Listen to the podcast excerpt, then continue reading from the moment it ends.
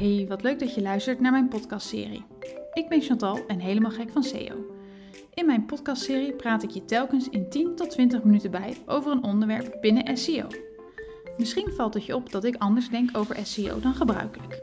Ik denk niet dat je zo hoog mogelijk moet willen ranken, wel zo breed mogelijk. Wat mij betreft ligt de basis van SEO ook niet bij keywords, maar bij je klant.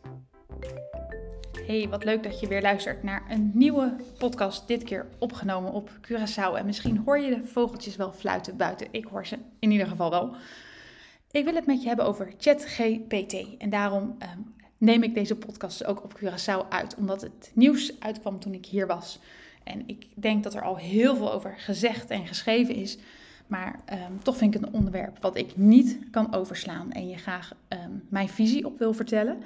Zoals je in de titel al ziet, denk ik niet dat uh, ChatGPT een vervanging is voor Google. En dat ook niet op korte termijn gaat uh, worden. En laat ik van de mogelijkheid gebruik maken om je uit te leggen waarom ik dat, uh, dat denk. Um, het was ook niet mijn eerste gedachte, want toen ik het las en zag wat die tool kon, dacht ik echt van ja, wie heeft er nog websites nodig? Wie heeft er nog SEO nodig als zo'n tool het antwoord geeft en alle antwoorden geeft? Dus ik zat te lunchen met mijn vriend en ik zei tegen hem: Ik moet je wat zeggen. Ik denk dat ik volgend jaar eigenlijk geen, eh, geen werk meer heb. Er is iets nieuws gelanceerd en dit is wel uh, uh, ja, ontzettend ingrijpend. En nu een paar dagen later, ik heb veel gelezen, ik heb veel gezien, ik heb veel geprobeerd, daarmee getest. Um, denk ik dat het ook, ja, dat we ook realistisch moeten zijn en ook wel best wel een stukje kritisch mogen zijn. Want Um, Google is al een aantal jaar bezig en ik zeg niet dat je ze niet kan uh, verslaan en dat ze niet vatbaar zijn voor concurrentie.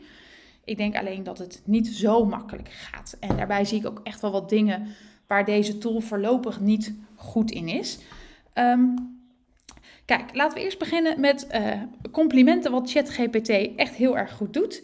En dat is foutloos Nederlands schrijven. Uh, de teksten, ik kan er bijna geen spelfout of grammaticale fout uithalen.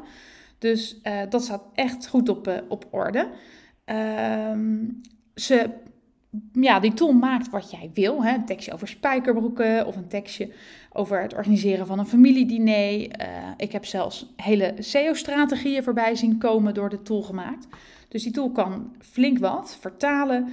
En wat we ook zien is dat mensen eigenlijk wel werkstukken laten maken en uh, uh, stukjes laten scripten of coderen. Hè? Dus uh, de, de developers waar die mee bezig zijn. Ik heb ook voorbeelden gezien van wat Google aan code maakt en wat ChatGPT aan code maakt. En dan moet ik zeggen, ja, ChatGPT kan wel, volgens mij wel coderen als ik het zo zie. Bij Google krijg je toch een antwoord van een site en dat is niet jouw specifieke situatie.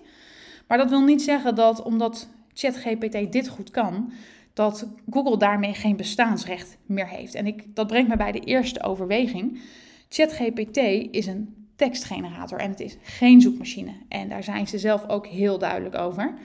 Um, er zijn een aantal belangrijke dingen. ChatGPT heeft geen toegang tot het internet. Er wordt ook niks geïndexeerd of opgeslagen. Ze bieden ook geen bronnen aan, dus je weet niet waar de informatie vandaan komt. En er wordt op dit moment ook niet constant nieuwe informatie toegevoegd. En als je dat vergelijkt met Google, um, Google is dagelijks aan het indexeren. Ik denk dat je kan zeggen, Google is constant aan het indexeren. Dus Google komt constant met nieuwe kennis en laat jou eigenlijk meerdere alternatieven zien waar je kunt kijken voor een antwoord. Waar ChatGPT met één antwoord komt. Um, dus dat is een heel belangrijk verschil. Het zijn echt twee hele andere dingen. En als we dan toch kritisch moeten zijn, uh, overweging 2. ChatGPT doet wat jij vraagt. En ik denk dat we ons hier heel erg bewust van moeten zijn. ChatGPT is geen waarzegger. Het heeft ook niet oneindige kennis in pacht. Um, ChatGPT maakt wat jij wil hebben. Dus ik heb de, de tool twee dingen laten doen. Ik heb hem een tekst laten schrijven, een artikel Ehm, waarin hij vertelt uh, dat hij Google kan gaan vervangen. En dan produceert hij dat met allemaal argumenten waarom hij dat kan. En ik heb hem een tekst laten schrijven uh, waarin hij moet vertellen dat hij Google niet kan vervangen. En dan komt hij met precies dat, met ook alle argumenten waarom hij dat niet kan. Dus dat is, vind ik heel belangrijk om te benadrukken. ChatGPT doet wat jij vraagt en poept eigenlijk dat uit. En um, dat is niet zonder risico's, want het antwoord dat je krijgt, ja, dat is dus ja, aangestuurd door jouw vraagstelling. En wat mij betreft vind ik het allemaal geen probleem als je hier maar van bewust bent. En dat je niet denkt dat je een uh, ja, soort van uh, waarzegger of het grote boek der antwoorden in handen hebt met deze tool.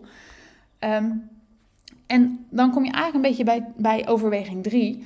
Er komt best wel heel erg veel onzin uit. Ik heb daar ook verschillende voorbeelden van voorbij zien komen online. Uh, iemand had gevraagd om een stukje over zichzelf te schrijven. En ik weet dat daar in ieder geval in staat dat hij, dat hij overleden zou zijn. Nou ja, die man is nog spring, springlevend. Dus dat klopt niet. En toen dacht ik, ik ga ChatGPT ook eens vragen om iets over mij te schrijven.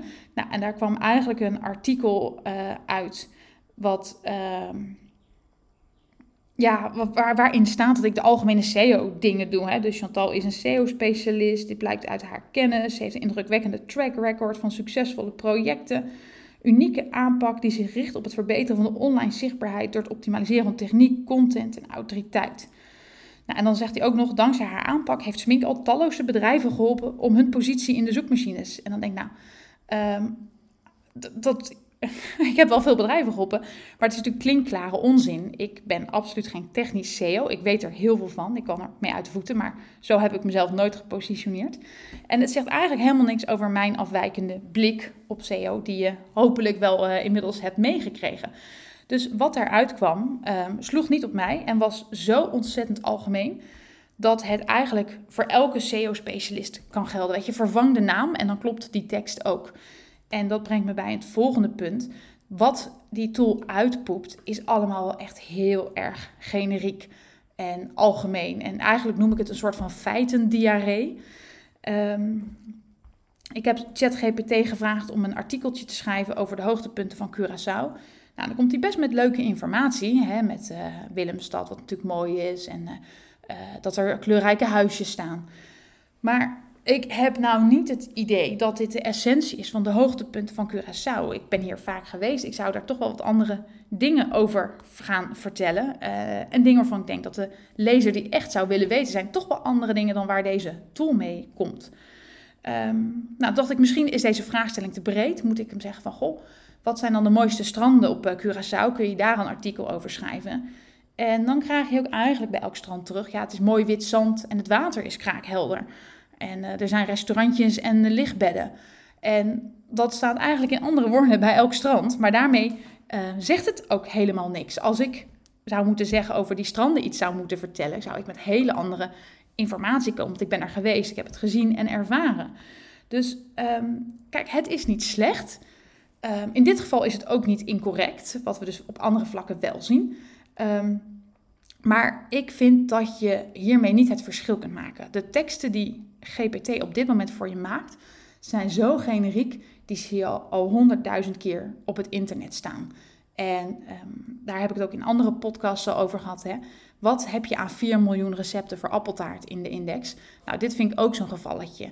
Wat heb je eraan om zo'n artikel nog een keer aan te bieden als elke website of reiswebsite al zo'n tekst heeft? Dus wat mij betreft is dit geen goede tekst waarmee je het verschil kunt gaan maken en kunt laten zien dat jij echt uh, de kenner bent van, hè, van een bepaalde plek.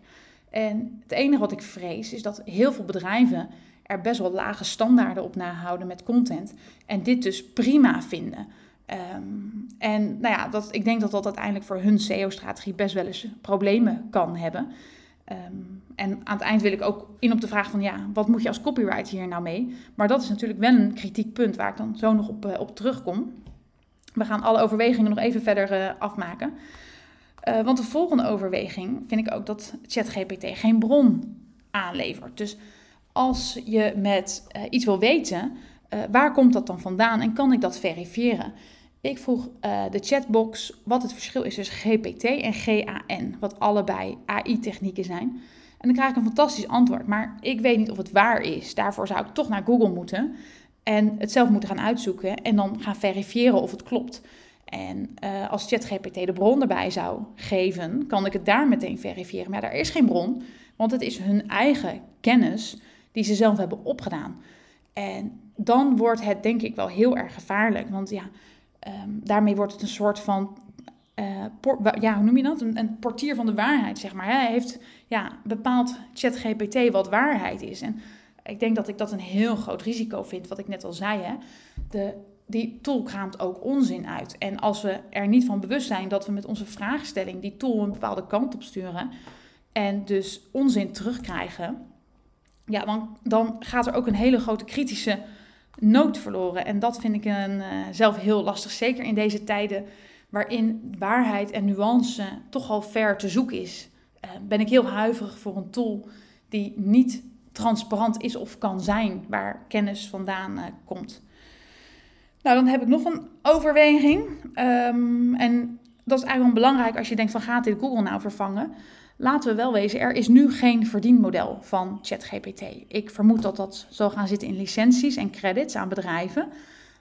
Um, en dat bedrijven dus teksten kunnen laten genereren.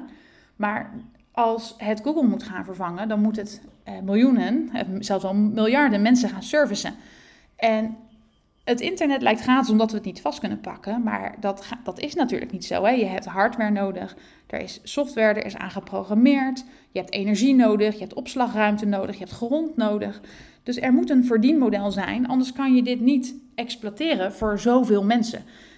Um, en nou, dat vind ik nu echt nog een belangrijk criterium als we het hebben over ja, ChatGPT gaat Google vervangen. Nou, Google heeft een solide verdienmodel waar ze heel veel mee kunnen. En um, ik, ja, dat moet ChatGPT maar eerst nog zien te vinden. Um, nou, dus als je aan mij vraagt, wat denk jij, gaat ChatGPT Google vervangen? Dan zeg ik nee. Het is A, een tekstgenerator. De tool is niet objectief. Hij is niet bij de tijd, doordat er niet eigenlijk constant nieuwe informatie aan wordt toegevoegd. En um, dat verdienmodel wat ontbreekt, vind ik ook echt wel een dingetje. En wat ik zelf echt een probleem vind, en ik hoop dat wij met z'n allen als gebruiker kritisch genoeg blijven, is dat we behoefte hebben aan de verschillende invalshoeken, alternatieve bronnen en onszelf een mening kunnen vormen. En de dag waarop wij aannemen wat een of andere tool zonder bronvermelding zegt, uh, dat vind ik wel echt een hele treurige dag. Dus ik hoop niet dat ze Google gaan vervangen. Kijk, wat concurrentie is nooit slecht. Ik denk dat Google veel te groot geworden is en veel bedrijven daarvan afhankelijk zijn. Dat mag allemaal best wel wat genuanceerder. Uh, maar goed, het is de situatie van nu. Hè. Ik wil niet zeggen dat al deze overwegingen die ik nu opnoem nooit gaan veranderen. Of dat uh, GPT daar nooit beter in kan gaan worden. Of dat ze nooit het geld zullen gaan verdienen. Dat kan allemaal prima veranderen. Maar op dit moment denk ik dat de soep niet zo heet gegeten wordt. Maar dan heb je wel iets anders, en daar had ik het net al even over. Als we het hebben over het vak van copywriting. Um, ChatGPT kan dus foutloos schrijven. Het, maar het genereert dus hele generieke teksten waarmee ik, ik vind ze niet goed genoeg. Maar ik zag laatst een advertentie voorbij komen van een reiswebsite. Die zocht een copywriter en je hoefde niet zelf op de locaties te zijn geweest. Nou, ik denk dit soort klussen, um, ja, als de standaard zo laag ligt, hè, dan kan dit, wel, dit kan door ChatGPT dan prima gedaan worden. Uh, die heeft ook geen locaties bezocht en kan ook, heeft ook de kennis om zo'n stuk te schrijven.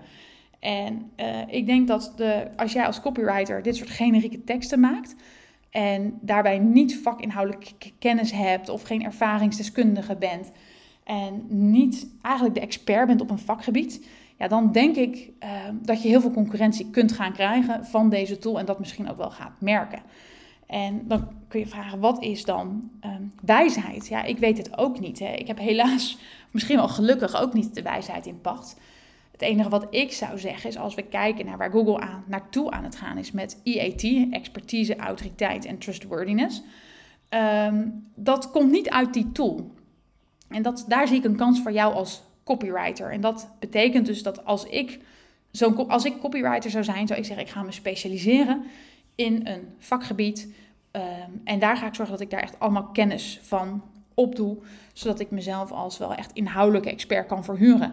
En dan kun je nog steeds heel goed met zo'n tool werken, maar kun jij wel een kritische, ja, ik wil zeggen, een kritische aanspreekpunt zijn, een kritische partner. Maar jij kan wel de kritische check doen. Hè? Jij kan zien of wat ChatGPT maakt, of dat klopt. Je kunt het corrigeren, je kunt het aanvullen. Je kunt er meer van maken dan wat er uitkomt. En um, ik denk dat dat op dit moment een hele slimme keuze zou zijn. Maar goed, ik kan ook niet in de toekomst kijken. Um, maar ik denk in de ideale situatie. Kijk, ChatGPT is zeker niet nutteloos. Het kan dingen echt fantastisch. En in de ideale situatie zou ik moeten zeggen, je gaat als mens samenwerken met dit soort tools. Waarbij ChatGPT uh, leuke invalshoeken kan bedenken of een leuke titel. Uh, of alvast wat eerste dingen voor je neer kan zetten waar je mee aan de slag kunt. En nou moet ik zeggen dat ik hou er altijd van om eerst zelf na te denken. En dan een tool te vragen, hoe zie jij dit? En dan te kijken, wat heb ik gemist? Omdat als je gaat werken op basis van wat een tool uitpoept, de kans heel erg groot is dat je met oogkleppen op gaat werken. Um, en daarom zou ik nooit beginnen met een tool, maar eindigen met de tool en mijn eigen teksten daarmee uh, aanvullen. Um, maar ik denk dat als we die kant op zouden gaan, dat we heel ver kunnen komen. En dan moeten we dus niet hebben over, ja, gaat die tool het vervangen? Uh, ik denk dat het allemaal niet zo zwart-wit is, maar ik denk dat mens en computer elkaar daarin prima aanvullen. Hè? De computer kan met de inspiratie komen, de ideeën. En als mens kun je daar de menselijke touch aan toevoegen. Wat denk ik ook niet heel verkeerd is, want um, ik noemde net al het woord feitendiarree. De output is wel heel feitelijk uh, geschreven en daar zit weinig, ik, ja, ik weet niet hoe ik het moet noemen, maar er zit weinig menselijkheid omheen, empathisch vermogen en dat soort uh, dingen.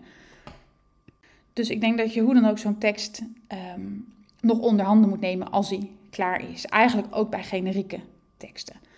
Nou, dat is eigenlijk wat ik op dit moment te zeggen heb over ChatGPT. Um, ik denk dat er de komende tijd nog heel veel meer over geschreven gaat worden, over besproken, over getest en over gedeeld. Uh, mocht het nodig zijn, kom ik hier in een volgende podcast weer bij je op terug. Voor nu zou ik zeggen, laat je als je copywriter bent niet direct omscholen. Maar ga wel kijken hoe jij bestaansrecht kunt opbouwen in een wereld waarin ja, toch automatisering en robotisering dichtbij komt. En dat kun je nooit helemaal uitsluiten. Want niemand is veilig voor automatisering en robotisering. Um, maar je kunt wel kijken wat je zelf kunt doen om relevant te blijven. En dan denk ik dat in het specialiseren daar de crux zit voor de toekomst. Ik hoop je wat wijzer gemaakt te hebben met deze podcast. Um, volgende week ben ik er waarschijnlijk weer met een nieuw onderwerp. Mocht je hier nog vragen over hebben, dan ja, zoek me op op Insta en haak me aan. En als jij zegt, ik wil meer weten van SEO en van jouw aanpak en mezelf kunnen onderscheiden. Um, begin januari start ik met een hele leuke training, vind ik zelf. Dan, uh, hij bestaat uit vijf modules die je in je eigen tijd gaat doen. En elke week op dinsdag hebben we een gezamenlijke live sessie waarin we uh, de stof gaan doornemen, vragen kunnen beantwoorden en kunnen discussiëren. Waarmee ik je dus ook heel veel uh, mogelijkheid wil geven, mogelijkheden wil geven om heel veel te leren. Dus hopelijk zie ik je daar.